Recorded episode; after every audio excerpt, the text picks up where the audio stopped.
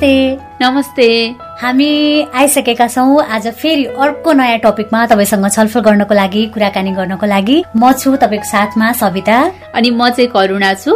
आज हामीले यौन तथा प्रजनन स्वास्थ्य अधिकारको विषयमा कुरा गर्ने सिलसिलामा हाम्रो समाजमा यौन तथा यौनिकताको बारेमा हाम्रो समाजमा के कस्ता भ्रमहरू छन् भन्ने बारेमा हामी कुराकानी गर्दैछौँ होइन त करुणा? ठ्याक्कै तिमीले भन्दा मलाई याद भइहाल्यो सविता होइन? मैले मम्मी अनि हजुरआमाहरूले कुरा गरेको सुनेको थिएँ कि पूर्णिमाको रातमा चाहिँ खुला ठाउँमा बसेर शारीरिक सम्बन्ध राख्यो भने चाहिँ गर्व बस्दैन अरे। तिमीलाई चाहिँ हो जस्तो लाग्छ कि होइन जस्तो लाग्छ?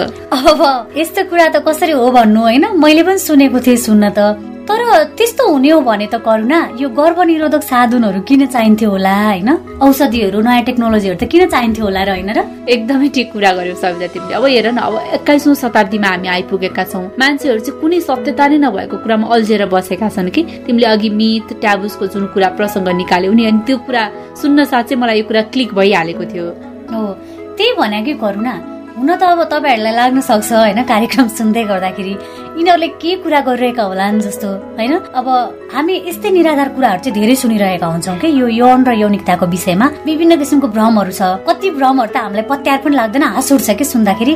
तर मान्छेले त्यसलाई सत्य ठानेर बसिरहेको हुन्छ हो। सविता। र अझ तिमीलाई मैले एउटा कुरा सेयर गरेकै छैन कि? अस्ति म घर गएको बेला होइन एकजना बहिनीले चाहिँ मलाई के कुरा सोध्नु भयो भने तिमी अचम्म पर्छ बहिनीले मसँग सोध्नु भएको कुरा सुन्यौ भने होइन। उहाँले चाहिँ त्यो बहिनीले चाहिँ आफ्नो बोयफ्रेन्डसँग चाहिँ किस गर्नु भएको रहेछ होइन। अनि त्यसपछि उहाँलाई त्यही कुराले चाहिँ एकदम सताइराखेको डराइराखेको रहेछ। अनि उहाँले मलाई चाहिँ कसलाई सोध्ने कसलाई सोध्ने? भएर चाहिँ मसँग सोध्नुभयो। दिदी मैले चाहिँ यसरी खिस राखेँ? अब मेरो बच्चा भयो भने के गर्ने? बच्चा बस्छ कि बस्दैन? के गर्नु पर्ला भने एकदम आत्तिएर सोध्नु भएको थियो कि म एकछिन त हाँसो पनि लाग्यो बहिनीको कुरा सुनेर। तर एकछिन पछि चाहिँ कस्तो नमजा पनि लाग्यो कि किनकि कस्तो खालको मेन्टालिटी उहाँमा बसेको रहेछ भन्ने सम्झेर चाहिँ। त्यही त करुणा यो त साह्रै नै भयो भने। अब अहिले हामी अघि तिमीले भनेको जस्तै एक्काइसौँ शताब्दीमा छौँ होइन? अहिले भर्खरै तिमीले भनेको बहिनी। अनि अघि मम्मीहरूको कुरा सुने भन्थ्यो नि जुन पूर्णिमाको रातको कुरा त्यो कुराहरू चाहिँ सायद यस्तो खालको कुराहरू चाहिँ आउँदैन थियो होला हाम्रो दिमागमा। हाम्रो परिवारले चाहिँ हामीलाई सही समयमा सही तरिकाले यौन तथा प्रजनन स्वास्थ्यको बारेमा चाहिँ सिकाउनु भएको भए। हो नि सविता र यस्तै खालको गलत कुराहरूको प्रचारले गर्दाखेरि नै त अब सत्य कुराहरू हुन सकिराखेको छैन। अनि भ्रमहरू अब यस्तै खालको अन्धविश्वासहरूले चाहिँ प्राथमिकता पाइराखेको छ। जसले गर्दा चाहिँ अहिलेको हाम्रै जेनेरेसनका कतिपय साथीहरू पनि कतिजनाले चाहिँ त्यो भ्रमहरूलाई पछ्याइराख्ने त्यसैलाई चाहिँ प्राथमिकता दिइराखेको पनि हामी देख्न सक्छौँ नि। त्यो त एकदमै करुणा। फेरि अब यौन सम्बन्धी जानकारी पायो भने झन् उत्सुकता बढ्छ। त्यसले विकृति फैलिन्छ बच्चाहरूले नराम्रो व्यवहार सिक्छन्। अनि अझ हुँदा हुँदा त धर्म संस्कृतिको विरुद्धमा पनि जान्छन् भन्ने जस्तो भ्रम छ हाम्रै समाजमा छ कि? हामीले नै कति सुनिरहेको हुन्छौँ नि त। एकदमै हो सविता। र अझ तिमीले याद गरेको छौ कि छैनौ होइन? कतिपय ठाउँमा त महिलाले यौन स्वास्थ्यको बारेमा चाहिँ कुरा नै गर्नु हुँदैन भन्ने पनि सोचाइ छ कि। जुन कुरा अब सरासर गलत हो जस्तो लाग्छ मलाई चाहिँ किनकि जबसम्म अब हामीले यौन स्वास्थ्यको बारेमा आफूलाई लागेका कुराहरू आफूलाई लागेका जिज्ञासा समस्याको बारेमा छलफल गर्दैनौँ तबसम्म त्यस्ता भ्रमहरू त समाजमा रहि नै रहन्छ नि ल भन त। हो मैले यही कुरा चाहिँ केही किशोर किशोरलाई सोधेको छु कि यौनसँग सम्बन्धित भ्रमहरू हटाउनको लागि तपाईँ हाम्रो भूमिका कस्तो हुन्छ भनेर। बरु अब तिमी म अनि हाम्रो श्रोता मिलेर सुनौ न त वीरगंजका जयासा र काठमाडौँकी सदीक्षा देवकोटाको विचार। हुन्छ हुन्छ। नमस्ते म जयासा यौनसँग सम्बन्धित भ्रमहरू हटाउनका लागि हामी तपाईँको भूमिका के हुन सक्छ भन्दाखेरि सबभन्दा पहिला जोसँग सम्बन्ध राख्छ यो कुराको त्यो व्यक्तिले यौन अर्थात् सेक्स भने के के हो त्यो भन्ने कुरा बुझ्नुपर्छ। यौन भन्नाले हामीले शारीरिक रूपमा कुनै पनि व्यक्ति पुरुष वा महिला हो भनी छुट्याउने कुरा हो। अर्थात् लिङ्ग र यौनी भएन भएको कुरा हेर्ने प्रक्रिया हो। यसले प्रजनन अङ्गको आधार छुट्याइ हेर्ने नै यौन हो भन्ने कुरा बुझ्नु पर्यो। यसको साथसाथै हामीले एज अ युथको रूपमा हेर्नु पर्दा पेयर टु पेयर एजुकेसनको रूपमा हामीले भूमिका निभाउन सकिन्छ। सँगसँगै हामीले हामीलाई थाहा भएकै कुरा हो हामीले एसआर एसआरको कुरा गर्दाखेरि अलरेडी साइन्टिफिक रूपमा यसलाई वैज्ञानिकहरूले प्रुभ भइसकेको हुनाले यससँग सम्बन्धित हामीले समुदायमा हुन सक्छ अथवा युथहरूलाई हुन सक्छ अथवा किशोर किशोरहरूलाई हुन हामीले उनीहरूको क्यापेसिटी बिल्डअप गर्नका लागि हामीले ओरिएन्टेसनहरू दिन सक्छौँ। यसको साथसाथै हामीले सर्भिसहरू पाइरहेको छ हेल्थ पोस्ट हुनसक्छ हस्पिटलहरू हुनसक्छ महिला स्वास्थ्य स्वयंसेविकाहरू हुन सक्छन् अथवा अन्य यससँग सम्बन्धित काम गर्ने सरकारवालासँग हामीले सर्भिसलाई अलिकति राम्रो बनाउँदै गयो भने अलिकति चनाखो बनाउँदै गयो भने पक्कै पनि यो भ्रमहरू हटाउनलाई अलिकति सजिलो हुन सक्छ यसका साथसाथै हामीले नेपाल सरकारको करिकुलममा पनि हेर्न सक्छौँ जुन कि एट क्लासदेखि अथवा सेभेन क्लासदेखि जुन सुरु हुन्छ यो पढाउने करिकुलम। त्यसमा हामीले मेल रिप्रोडक्टिभ अर्गनको कुराहरू फिमेल रिप्रोडक्टिभ अर्गनको कुराहरू र मेन्सुरेसनको कुराहरू मात्रै हामी हेर्ने गर्छौँ। तर हामीले यौनसँग अझै अझै थप तथ्यवाइज हामीले समावेश गऱ्यो भने करिकुलममा जहाँसम्म लाग्छ यो यो यो समस्या समाधान हुन सक्छ। जस्तै यौनिकताको कुराहरू गर्न सक्छौँ एलजिबिटिआईको कुराहरू गर्न सक्छौँ। यो सँगसँगै पोलिसी एडभोकेसीको पनि हामीले कुरा यदि राम्रोसँग चलायौँ भने पक्कै पनि यो यौनसँग सम्बन्धित भ्रमहरू हामीले समाजबाट हटाउन सक्छौँ। यसका साथसाथै हामीले सरकारले पनि अब पोलिसी एडभोकेसीलाई अलिकति राम्रो बनाउनु पर्यो अनि सर्भिस प्रोभाइडर जुन छन् तिनीहरूलाई अलिकति राम्रोसँग सर्भिस दिउँ भन्ने कुरा उनीहरूलाई पनि बिल्डअप गर्नु पर्यो क्यापेसिटी बिल्डअप गरियो भने यो यौनसँग सम्बन्धित भ्रमहरू हामीले हटाउनलाई एकदमै सजिलो छ। म सानो छँदा महिनावारी भएपछि प्रेग्नेन्ट भइन्छ भन्ने सुन्दै आएको थिएँ। मेरो कलिलो दिमागमा फर्स्ट टाइम पिरियड हुँदा प्रेग्नेन्ट भइन्छ भन्ने भ्रम उत्पन्न भयो। जुन कुरा पुरै सत्य थिएन। अलि बुझ्ने भएपछि आफैले विचार गर्दा के कारणले मलाई त्यस्तो लाग्यो भन्दा सेक्स र रिप्रोडक्टिभ हेल्थसँग रिलेटेड ओपन डिस्कसन नभएर र कलिले उमेरदेखि नै यो विषयमा खुला विचार राख्ने वातावरण नभएकोले मेरो दिमागमा यो भ्रम उत्पन्न हुन पुगेछ।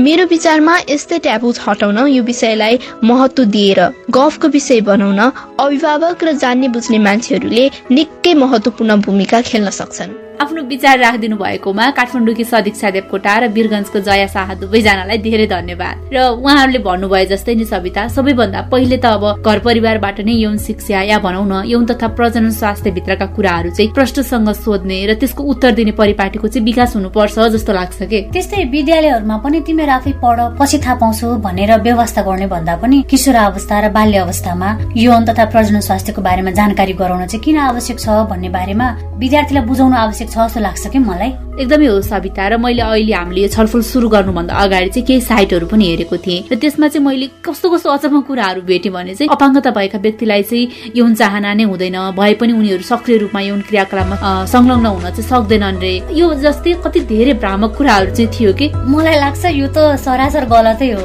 यौन चाहना सबैमा हुन्छ किन भन्दा यौन भनेको प्राकृतिक कुरा हो। कसैले व्यक्त गर्छ कसैले गर्दैन होइन? अनि त्यो भएको भएर चाहिँ प्राकृतिक कुरामा चाहिँ महिला पुरुष अपाङ्गता भएका व्यक्ति लैङ्गिक तथा अल्पसंख्यक समुदाय भनेर छुट्टिन्छ जस्तो मलाई लाग्दैन कि? चाहना चाहिँ सबैमा हुन्छ होला कि होइन त? एकदमै हो सविता। र मैले अघि जुन भ्रमको अन्धविश्वासको कुराहरू थाहा पाउनको लागि चाहिँ साइटहरू पनि हेरेको थिएँ। कस्तो चाहिँ प्रचलित रहेछ हाम्रो समाजमा भनेर हेरेँ र जुन अपाङ्गता भएको साथीको केस पाएँ भनेको थिएँ नि। त्यो कुरा भेटिसकेपछि चाहिँ मैले जय लामी जो चाहिँ भिजुअली इम्पेयर्ड हुनुहुन्छ उहाँसँग चाहिँ यो कुरा कतिको सत्य हो त भनेर चाहिँ सोधेको थिएँ। बरु उहाँकै कुरा सुनाउ है त। हुन्छ हुन्छ। नमस्ते म जयराम लामी छाने हाल अमेरिकाबाट र म एकजना दृष्टिविहीन व्यक्ति हुँ। साङ्ग व्यक्तिहरूले हामी अपाङ्गता भएका व्यक्तिहरूका विषयमा पाल्नु भएको थुप्रै मिथ्सहरू ट्याब्युजहरू उहाँहरूले जुन पाल्नु भएको स्टेरियो टाइप छ त्यो मध्ये विशेष गरी यौन तथा प्रजननको विषयमा चाहिँ अझै धेरै असह्य खालका भनौँ कति पनि ग्राउन्ड रियालिटीसँग म्याच नगर्ने कुराहरू उहाँहरूले सोच्नु भएको छ। जसमध्ये केही आज म यहाँहरूसँग सेयर गर्न चाहन्छु। सबैभन्दा पहिलो चाहिँ उहाँहरूलाई लाग्छ कि हामी जो दृष्टिबिन छौँ विशेष गरी यहाँ अपाङ्गता भएका व्यक्तिहरू पनि हामीलाई चाहिँ कि यौन उत्तेजना या यौन चाहना नै हुँदैन। कि चाहिँ सर्वाधिक बढी हुन्छ भन्ने उहाँहरूलाई लाग्छ। मैले कलेज पढ्दाखेरि फेस गरेको धेरै प्रश्नहरूमध्येको एउटा प्रश्न थियो हामी ब्लाइन्ड भएपछि हामीलाई कसरी सेक्स डिजायर हुन्छ त? हामीले त केही पनि देख्दैनौँ भनेपछि हाम्रो लागि सिङ्गो संसारै अन्धकार होला it's like a void in a space उहाँहरूलाई त्यस्तो लाग्दो रहेछ। अनि कहिलेकाहीँ चाहिँ उहाँहरूले सेक्सको बारेमा कुराकानी गरिराख्दा कोही केटी साथीको बारेमा गफ गर्दा मैले पनि गर ओहो के हो? भनेर चासो देखाउँदा जिज्ञासा देखाउँदा कतिपय साथीहरू चाहिँ म हेर यिनीहरूले त आँखा पनि देख्दैनन् यिनीहरूमा अत्याधिक कुण्ठा भरिएको हुन्छ। किनभने हामी पो अरू विभिन्न उपायबाट त्यसलाई एक्सप्रेस गर्न सकौँला। तर यिनीहरूमा त अत्याधिक कुण्ठा हुन्छ। यस्ता मान्छेहरूले त पायो भने रेप पनि गर्न सक्छन् भन्ने खालको कुराहरू गर्नुहुन्थ्यो। That is also completely wrong किनभने त्यसमा तपाईँको डिसेबिलिटी म्याटर गर्दैन। त्यसमा म्याटर गर्ने भनेको तपाईँको आफ्नो सोच तपाईँको हर्मोनल डेभलपमेन्टको कुरा हो। अनि त्यो कुरा मैले बुझाउनु पर्थ्यो।